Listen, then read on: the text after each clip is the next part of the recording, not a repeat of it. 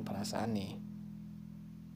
Ngomongin perasaan kayaknya nggak bakal ada habisnya. Sebab perasaan itu identik dengan yang namanya manusia. Dan manusia itu unik. Mereka punya keistimewaannya tersendiri.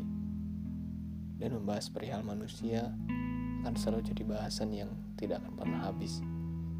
Manusia itu dinamis dan manusia itu berpikir perasaan akan selalu ada pada mereka yang siap untuk merasakan. Perasaan akan tumbuh seiring usia yang bertumbuh, pemikiran yang bertambah, bahkan perasaan juga perlu dengan perlu suatu apa ya namanya perasaan juga perlu pertumbuhan dan perkembangan gitu. karena tidak serta merta perasaan itu akan sempurna di awal terasanya gitu. Perasaan itu merupakan sebuah proses. Proses iya. Karena gimana ya?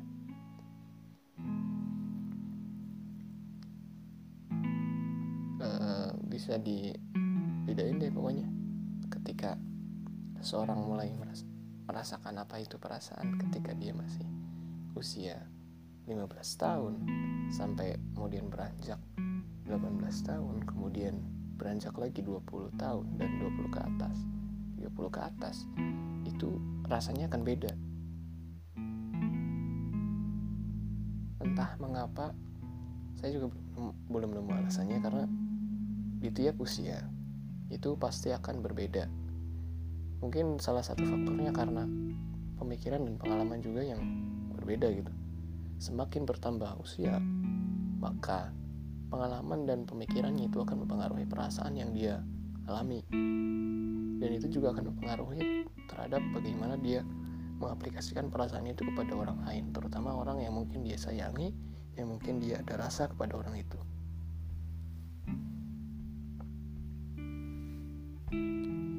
dan perasaan juga kadang-kala kita nggak sadar gitu. Kita membawa kita merasakan hal itu. Dan perasaan itu bukan suatu hal yang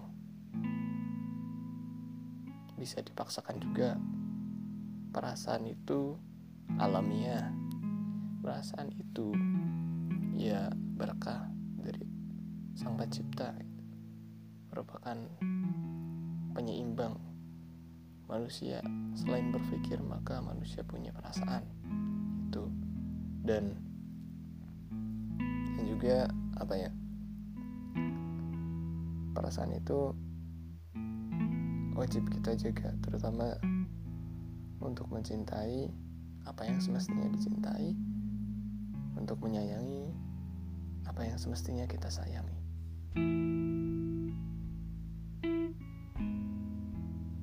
gitu. Dan saya nggak mau bahas lebih lanjut. Mungkin kalau untuk lebih lanjut membahas perasaan sayang ataupun cinta kita bahas di lain episode. Ini kita cuma bahas sekilas apa ya ya perasaan itu kayak gimana sih? Perasaan itu apa sih? Ya mungkin itu yang kayaknya saya bisa share sekarang. Sampai jumpa di episode selanjutnya. Salam tapak saja